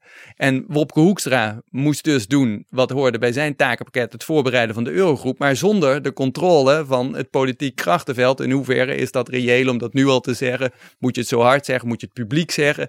Moet je daar zeggen, bijvoorbeeld in het parlement, of juist niet? Moet je tegen de Duitsers uh, uh, zeggen dat je hun steunt uh, en afspreken met hun hoe je de marsroute doet? Moet je met Italianen ruzie zoeken, ja of nee? Kijk, al die politieke, diplomatieke vragen, die zijn niet gesteld hoogstwaarschijnlijk, omdat daar gewoon de ruimte niet voor was. Men was veel te druk en dat is ook begrijpelijk, maar dat is geen goed nieuws. Ik ben destijds wel eens op reis geweest met Dick Benschop toen hij staatssecretaris van Europese Zaken was. We gingen kandidaat lidstaten bezoeken. Hij was voortdurend trouwens op reis. Maar hij was ook voortdurend op ambtelijk niveau alle ministeries aan het coördineren. Uh, zeg maar aan het voorbereiden op wat uit Brussel kon komen. Of wat Brussel juist uh, moest gaan doen. Uh, ja. Wat Nederland betreft. Als je zo voortdurend als spin in het web zit. Dan stimuleert dat denk ik ook dat je toch dat bredere Europese belang nog wat scherper in het oog houdt als je op kabinetsniveau erover zit te praten. Zeker. En zeker in een crisis waarin iedereen in zich in onvoorziene omstandigheden uh, bevindt en alles gevraagd wordt van je wat je kunt geven, dan is het ongelooflijk belangrijk dat de vraag over hoe ligt dit in het Europees krachtenveld een keer gesteld wordt in de ministerraad. En de staatssecretaris van Europese Zaken zat altijd bij de ministerraad. En dat was niet zomaar, want hij kon dan af en toe die vraag stellen. Oké, prima, we gaan deze kant op. Maar hoe ligt dat in Europa? Misschien moeten we het daar nog even kort over hebben, of misschien moeten we daar nog even naar kijken. Uh, en ik denk dat dat nu uh, gemist is. Uh, en dat dat misschien ook een reden is om daar nog eens over na te denken. Of dat misschien niet toch op een andere manier weer terug kan komen, dit tegenwicht. Jij noemde de Eurogroep een soort van kopgroep. Althans, toen ik zei is het de motor, zover is het nog ja, niet. Nee. Maar het kan wel die kant op gaan. De motor van de Europese Unie. In 2018 verscheen er een WRR-rapport. En daar ben je ook bij betrokken geweest, bij het schrijven daarvan. Ja. Dat pleitte heel erg voor kopgroepen. Niet elk land binnen de Unie hoeft meteen aan alles mee te doen. Kun je dat uitleggen? Want is het gevaar dan niet dat de boel uiteindelijk toch uit elkaar valt? Ja, dat is de eeuwig terugkerende vraag. Uh, en ik denk dat we hem eigenlijk al behandeld hebben. Uh, dus als de Europese Unie ergens tegen opgericht is, is het tegen de monocultuur. Dus waar gaat het om? Het gaat erom om samen te werken, maar tegelijkertijd ruimte te bieden aan variatie. Variatie die maatwerk toestaat op nationaal en op regionaal niveau. Daarmee dat de WRR-rapport ook Europese variaties. Het is je misschien ook opgevallen dat we daar uh, Wolfgang Schäuble, zijn, zijn document uit 1994 nog een keer geciteerd hebben. In 1994 zei Wolfgang Schäuble, ik zal niet het hele document nu gaan oplepelen, uh, eigenlijk het volgende. We hebben drie grote uitdagingen. De muntunie, de migratie en de buitengrenzen. Nou, dat zou je vandaag ook min of meer kunnen opnoemen. Misschien zou je er klimaat bij moeten zetten. Maar hij zei, die drie uitdagingen zijn zo groot dat je die alleen maar echt aan kunt vatten als je dat doet met lidstaten die al naar elkaar toegegroeid zijn. Want hier is een maximum, bij wijze van spreken, nodig aan wederzijds vertrouwen. En daarom is een kopgroep nodig. Een kopgroep om het voorbeeld te geven, zodat de rest, de uitgebreide Unie, die er toen al aan zat te komen in 1993, had men in Kopenhagen eigenlijk al besloten. Die Midden- en Oost-Europese landen moeten erbij komen, zich ergens op kan richten, namelijk een voorbeeld. En dat noemde hij het kern-Europa. Of in het Duits kern-Europa. En dat is de eerste formulering van die kopgroep. Nou, dat is toen niet doorgegaan, om redenen uh, die te, met name met Italië te maken hebben. Want die had hij niet bij die kopgroep gezet. Wolfgang Schäuble was toen ook nog wat jonger. uh, maar de analyse is nog altijd, snijdt nog altijd hout. Het, hier gaat het om. En daar is die eurogroep ook potentieel, eh, zal ik maar zeggen, het model voor om daarmee die drie thema's vooruit te brengen. En uh, dat is ook iets wat de Fransen en de Duitsers eigenlijk al een paar uh, jaar aangeven. Daar moeten we misschien een stap in zetten. Toen Europa geconfronteerd werd met de vluchtelingencrisis, was een van de oplossingen die bedacht werd: wij gaan vluchtelingen spreiden, ponsgewijs over de lidstaten. Een aantal lidstaten die zeiden toen meteen: wij doen daar niet aan mee. En toen gebeurde er eigenlijk niks meer. Had toen een wijze Europeaan moeten zeggen: dan beginnen we toch gewoon hier een kopgroep. Ja, ik denk dat wat, uh, en wat, dat is nu trouwens ook aan het uitkristalliseren, wel zo veel te laat, maar dat is precies wat er nu gebeurt uh, op het migratiedossier. Wat hier heel belangrijk is, bedankt dat je dit aansnijdt Jaap, want dit geeft namelijk de kans om een parallel te trekken. Wat er toen gebeurde, toen de crisis in 2015 met die migratie zo hoog was, was dat de politiek, die sterke lidstaten waar Rutte het over heeft, opnieuw ging schuilen. Nu niet zoals in de eurocrisis achter de, uh, de ECB, maar in dit geval schuilen achter de Europese Commissie en zeggen: Europese Commissie, dit is een, een beetje moeilijk voor ons. Het moet door een Europese oplossing komen. Lossen jullie het maar op. Maar de Europese Commissie kan alleen maar met quota-achtige oplossingen komen, die politiek een, een houdbaarheid hadden van een dag. En dat wist iedereen. En, dan, en op die manier schuif je je verantwoordelijkheid weliswaar af, maar maak je het beeld en de geloofwaardigheid rondom de Europese instellingen heel cynisch. Want je geeft hun een opdracht die ze nooit kunnen vervolgen, vervullen en waar ze vervolgens wel de schuld van krijgen dat het mislukt. En dat is ook precies wat er gebeurd is. Dus nu zie je daar hetzelfde gebeuren als waar Karlsruhe toe oproept in de muntunie. Namelijk dat de lidstaten die dat durven, kunnen en belangrijk genoeg vinden, het voortouw nemen. En belangrijk om hier ook uh, te constateren, ook hier zit Nederland niet bij de eerste groep die de stap zet om dit Europees op te lossen.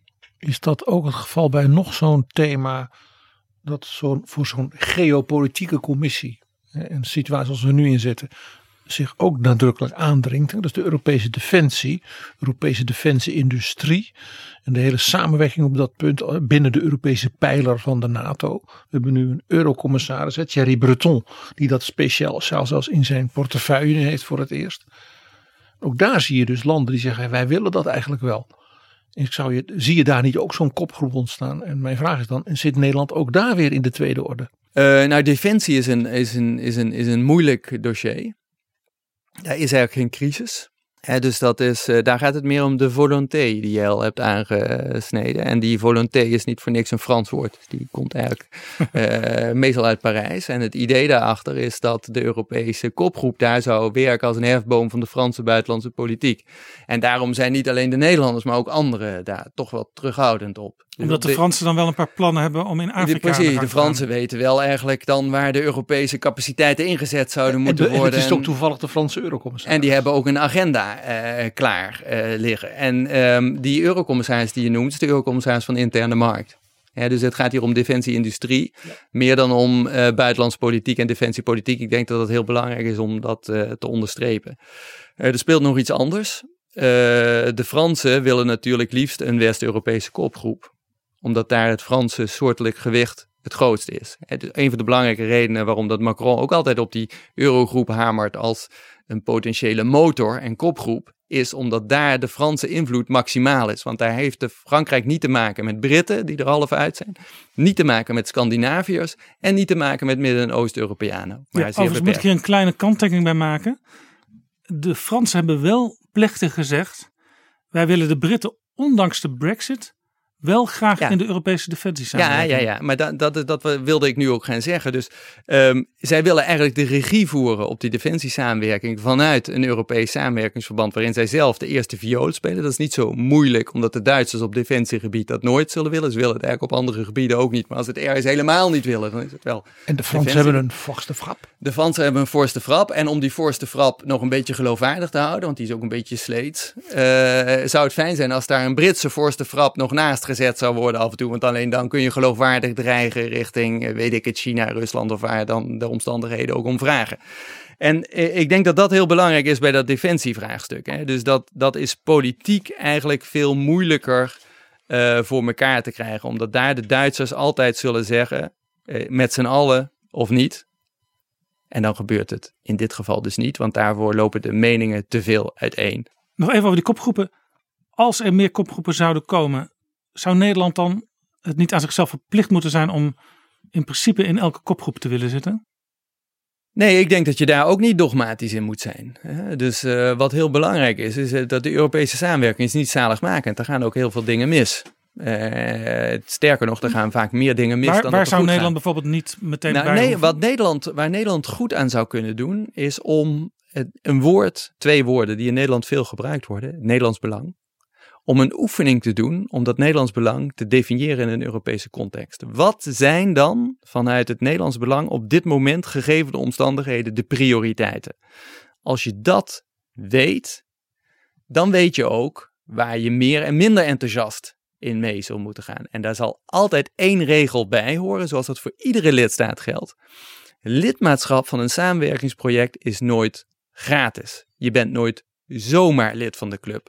En afhankelijk van de positie waarin jouw land jou, eh, zich bevindt, zijn die kosten op een bepaalde manier te kwantificeren. Soms gaat het om begrotingsafdrachten, soms gaat het om werkeloosheidscijfers, soms gaat het om faillissementen.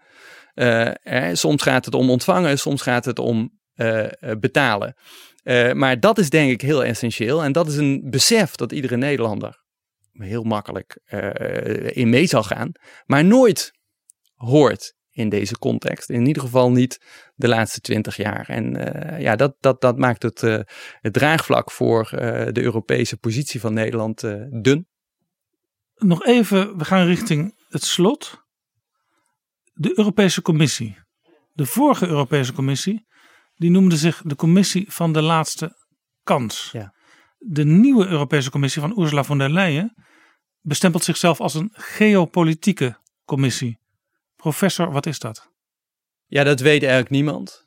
Um, en ik denk dat daar uh, dus ook een, een, verwachting gewekt wordt die niet waargemaakt zal kunnen worden. Ik denk als het uh, uitgaat van goede bedoelingen, denk ik dat de bedoeling is om te omschrijven dat de situatie in de wereld op dit moment vraagt om een eigen Europese positie. Dus laten we het even bij de COVID-crisis houden. Je hebt twee voorbeelden.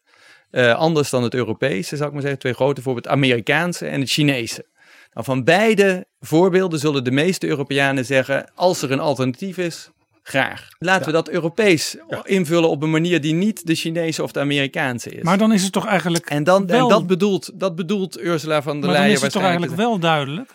Wat een ja, dat bedoelt ze te zeggen met wat, wat, haar, wat, wat, wat zij belangrijk vindt op dit moment vanuit haar positie als commissievoorzitter. Maar de commissie gaat over de interne markt. En moet daar een onafhankelijke marktmeester zijn. En moet vervolgens een betrouwbare coördinator zijn van de samenwerking. En dat is een rol die kleiner is dan een rol waarbij je het woord geopolitiek op jezelf kunt laden. Want dan ben je iets op je aan het laden, wat eigenlijk hoort bij die sterke lidstaten. Maar er is ook een meneer Josep Borrell, die zich wel degelijk met de hele wereld wil bezighouden. Ja, maar dat is de buitenlandvertegenwoordiger. De hoge vertegenwoordiger voor het buitenlands beleid van de Europese Commissie. En als we dan toch uh, nog een anekdote kunnen gebruiken, dan zou ik graag de, een anekdote gebruiken van Lady Ashton, een van de voorgangers van uh, Borrell. Uh, die zei wel eens, ja, ik ben, voor, ik, ben, ik ben hoge vertegenwoordiger voor het buitenlands beleid van de EU. Weet u wat dat inhoudt? En dat is eigenlijk samen te vatten met een, een antwoordapparaat. Is het antwoordapparaat bij de telefoon waar Henry Kissinger altijd om vroeg. Namelijk Henry Kissinger, oud-minister van de VS. Amerika, die vroeg altijd, ja, ik, als ik Europa nodig heb, weet ik niet wie ik moet bellen. Nou, nu weet hij wie hij moet bellen, namelijk mij, Lady Ashton en nu Jozef Borrell. En dan krijgt hij een antwoordapparaat. En het antwoordapparaat gaat als volgt. Dit is het antwoordapparaat van de hoge vertegenwoordiger voor het buitenlands beleid van de Europese Unie. Voor, een, voor de Franse positie kies een 1, voor de Duitse positie, een 2. En ik denk dus dat dat een hele adequate samenvatting is van wat die, eh, wat die functie is. Die is diplomatiek heel belangrijk, namelijk het in kaart brengen wat is het politieke speelveld, geopolitiek, ook buiten Europa. Maar hij is qua macht en invloed heel beperkt. Want daar, als het gaat om het buitenlands beleid, ligt de competentie heel nadrukkelijk bij de lidstaten. En die stemmen wel met elkaar af, maar die hebben hun eigen buitenlands beleid. Maar ik wil toch even de advocaat van Ursula von der Leyen spelen. Is het niet zo dat in deze wereld met China, dat toch op een bepaalde manier zich wil inkopen in de westerse wereld, de Amerikanen, waar we niet helemaal meer van op aan kunnen, eh, Trump natuurlijk, maar ook Obama was zich al Mhm, minder zeker. op Europa aan het richten, dat het economische belang en allerlei andere belangen, eh, bijvoorbeeld ook het belang van cyberspace en noem alles maar op, dat dat samenhangt en dat je het dus niet meer kan scheiden en dat je dus wel degelijk op die manier kunt spreken van een geopolitieke opdracht. Je kunt spreken zeker van een geopolitieke opdracht. En als je het dan over de geo, het gedeelte van de opdracht wil hebben dat land bij de Europese samenwerking, dan is dat misschien wel in allereerste plaats het uitbreidingsproces. Er is geen buitenland politiek instrument in de laatste eeuwen dat zo efficiënt is geweest voor wat betreft de uitbreiding van e- de expansie van invloed als de uitbreiding van de Europese Unie. Want het is op vrijwillige basis gebeurd zonder dat er een slag of stoot bij viel. En er zijn allerlei landen die er verder ook nog bij willen. En iedereen werd er rijker van. Als, ja, nou dat is de vraag. Zo- zowel de, de, de, de, ontvang, de landen die Ja. erbij kwamen als de, het geheel van Ja, maar dat, is, dat vraagt om een andere podcastaflevering. want ik denk dat daar op het niveau van de burgers nog wel ook een ander verhaal bij te vertellen is. Maar het voordeel van de schaalvergroting is, is, is, is evident van deze kant, ook economisch. Of dat iedereen daar beter van is geworden, dat we eigenlijk te betwijfelen. Maar dat is een onderwerp voor een andere podcast, zei ik al. Ja, Wat wij hier belangrijk is, is de westelijke Balkan bijvoorbeeld. Ja, want we hebben het een keer in Betrouwbare Bronnen over het Habsburgse Rijk gehad met Caroline de Gruyter. En daar zat dit beeld ook een beetje. Hè? Je invloedssfeer uitbreiden. Niet alles hoeft meteen lid te zijn van dat rijk. Maar het is wel fijn als wat er omheen ligt ook een beetje Nou, in onze invloed zit. Om, om bij jouw onderwerp te blijven, Jaap, de geopolitiek, de geopolitieke commissie. Als ergens een frontlijn van de geopolitiek loopt, is het bijvoorbeeld in Noord-Macedonië. Eh, bijvoorbeeld in Bosnië, hè, waar dus allerlei krachten eigenlijk strijden met elkaar voor wie is dit stukje. Rusland, China, Saoedi-Arabië, niet te vergeten. Turkije. Turkije en de Europese Unie. En je zou dus kunnen zeggen, nou, hier heeft de Europese Unie een verantwoordelijkheid te nemen. Niet alleen voor de eigen veiligheid, maar ook voor de veiligheid in de directe omgeving en de eigen invloed. Dus dit gaat om geopolitiek. Ook dit is overigens een punt waar de Tweede Kamer heel erg op de rem Ja, drukt. ja, ja. en eh, eh, om, om redenen die te maken hebben met het licht dat er zit tussen wat wij in Nederland rationeel beleid eh, vinden en wat er gebeurt in Bosnië bijvoorbeeld. En dat licht is, dat is gigantisch. Daar, is, daar, daar, daar, daar, kunnen hele eh bloemenweides onder bloeien onder dat licht. Met, met, met al die microbes van de nou ja, nou ja hè, de, de, de, die uitdaging in die regio is heel groot. En ik denk dat dat een belangrijke boodschap is. En daar heeft von der Leyen ook de daad al bij het woord gevoegd. Kijk, daar ligt een geopolitieke opdracht voor de commissie om daar in ieder geval niet de rug naartoe te keren. Het is iets anders of de, op wat voor termijn en hoe en of, die, of, of de landen daar überhaupt lid moeten worden. Het is sowieso een Europese aangelegenheid. Het moet het zijn. Uit het belang van Europa zelf. Eh, En dat hoort wel bij die geopolitieke opdracht. En ik zou zeggen tegen de Europese Commissie: als je je geopolitieke opdracht beperkt tot het uitbreidingsdossier, heb je een hele realistische, maar ook zware opdracht. En heel belangrijk voor de komende eh, jaren. Ga niet nog meer op je bord laden, wat je uiteindelijk niet waar kunt maken, omdat dat competenties zijn van de lidstaten. Maar hier ligt een hele belangrijke rol van de Europese Commissie om feit en fictie te scheiden in de geopolitieke realiteit van dit eh, moment. En dat is een eh, belangrijke en, en zware opgave die ik graag opgepakt zou zien. En dan helemaal tot slot. Er komt een Conference on the Future of Europe. Dat is een conferentie waar de lidstaten, het Europees Parlement, de Commissie, maar ook, wat ik er altijd tussen aanhalingstekens zet, de burgers, gaan discussiëren onder leiding van Guy Verhofstadt. Dat is al eens eerder gebeurd. Hè? Toen had voor ons eigenlijk Frans Timmermans vanuit Nederland daar ook een rol bij. En dat eindigde in 2005 met een Nederlands nee voor de Europese grondwet. Wat kunnen wij van deze conferentie verwachten? Ik denk dat uh, die conferentie in een heel ander licht komt te staan door de, door de COVID-crisis. En uh, heel erg afhankelijk is van wat het Duits voorzitterschap in de lak zet. voor de komende jaren in, in, in het tweede helft van dit jaar. Het feit dat um, die conferentie er is, is op zichzelf, daar is niks mis mee. Maar ook hier dreigt wel het gevaar van te veel beloven en te weinig waarmaken.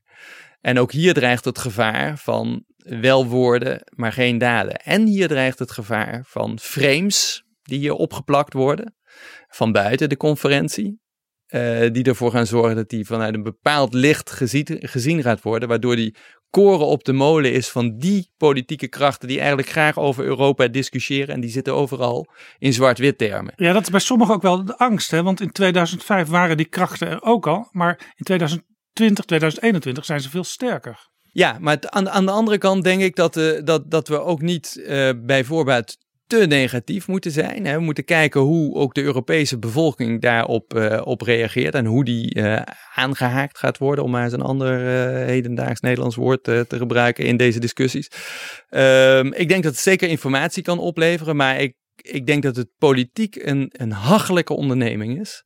Uh, in de huidige omstandigheden. Uh, en dat men zich daar heel goed bewust van moet zijn. Dat men dus gericht moet zijn op het ophalen van informatie en niet zozeer in het uitoefenen van invloed. Er schiet door mijn hoofd ineens een ding over dat komend half jaar.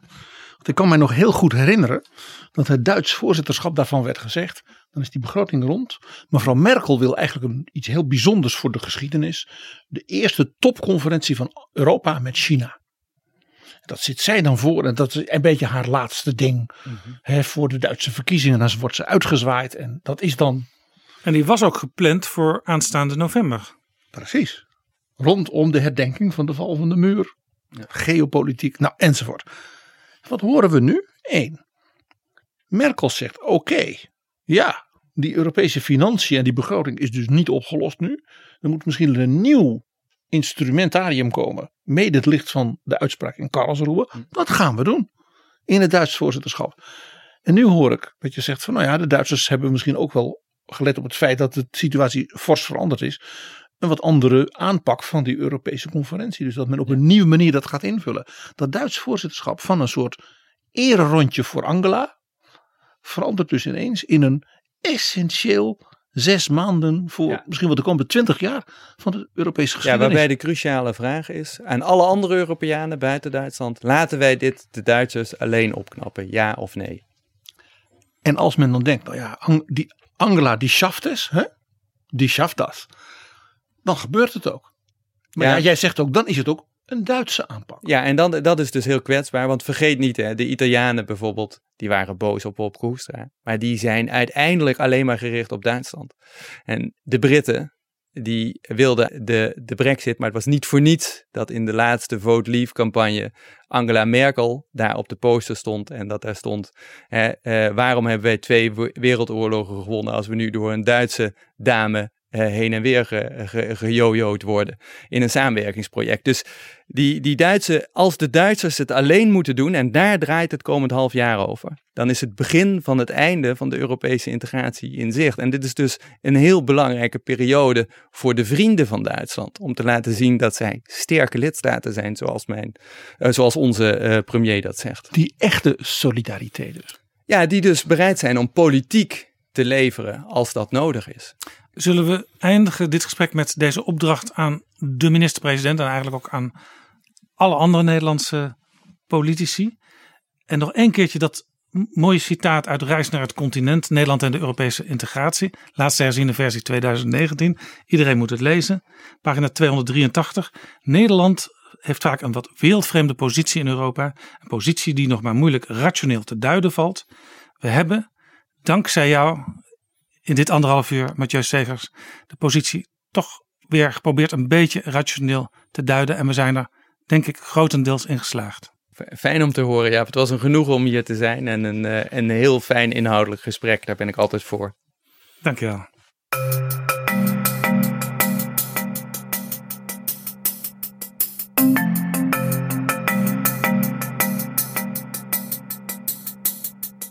Zo, dit was Betrouwbare Bronnen aflevering 109. Deze aflevering is mede mogelijk gemaakt door de Europese Commissie en door We Nederland. Overweegt u betrouwbare bronnen te sponsoren of in deze podcast te adverteren? Stuur dan een mailtje aan Flip Kilian Adams, dat is flipapenstaartdagennacht.nl. Heb je vragen of opmerkingen? Mail dan naar betrouwbare bronnen.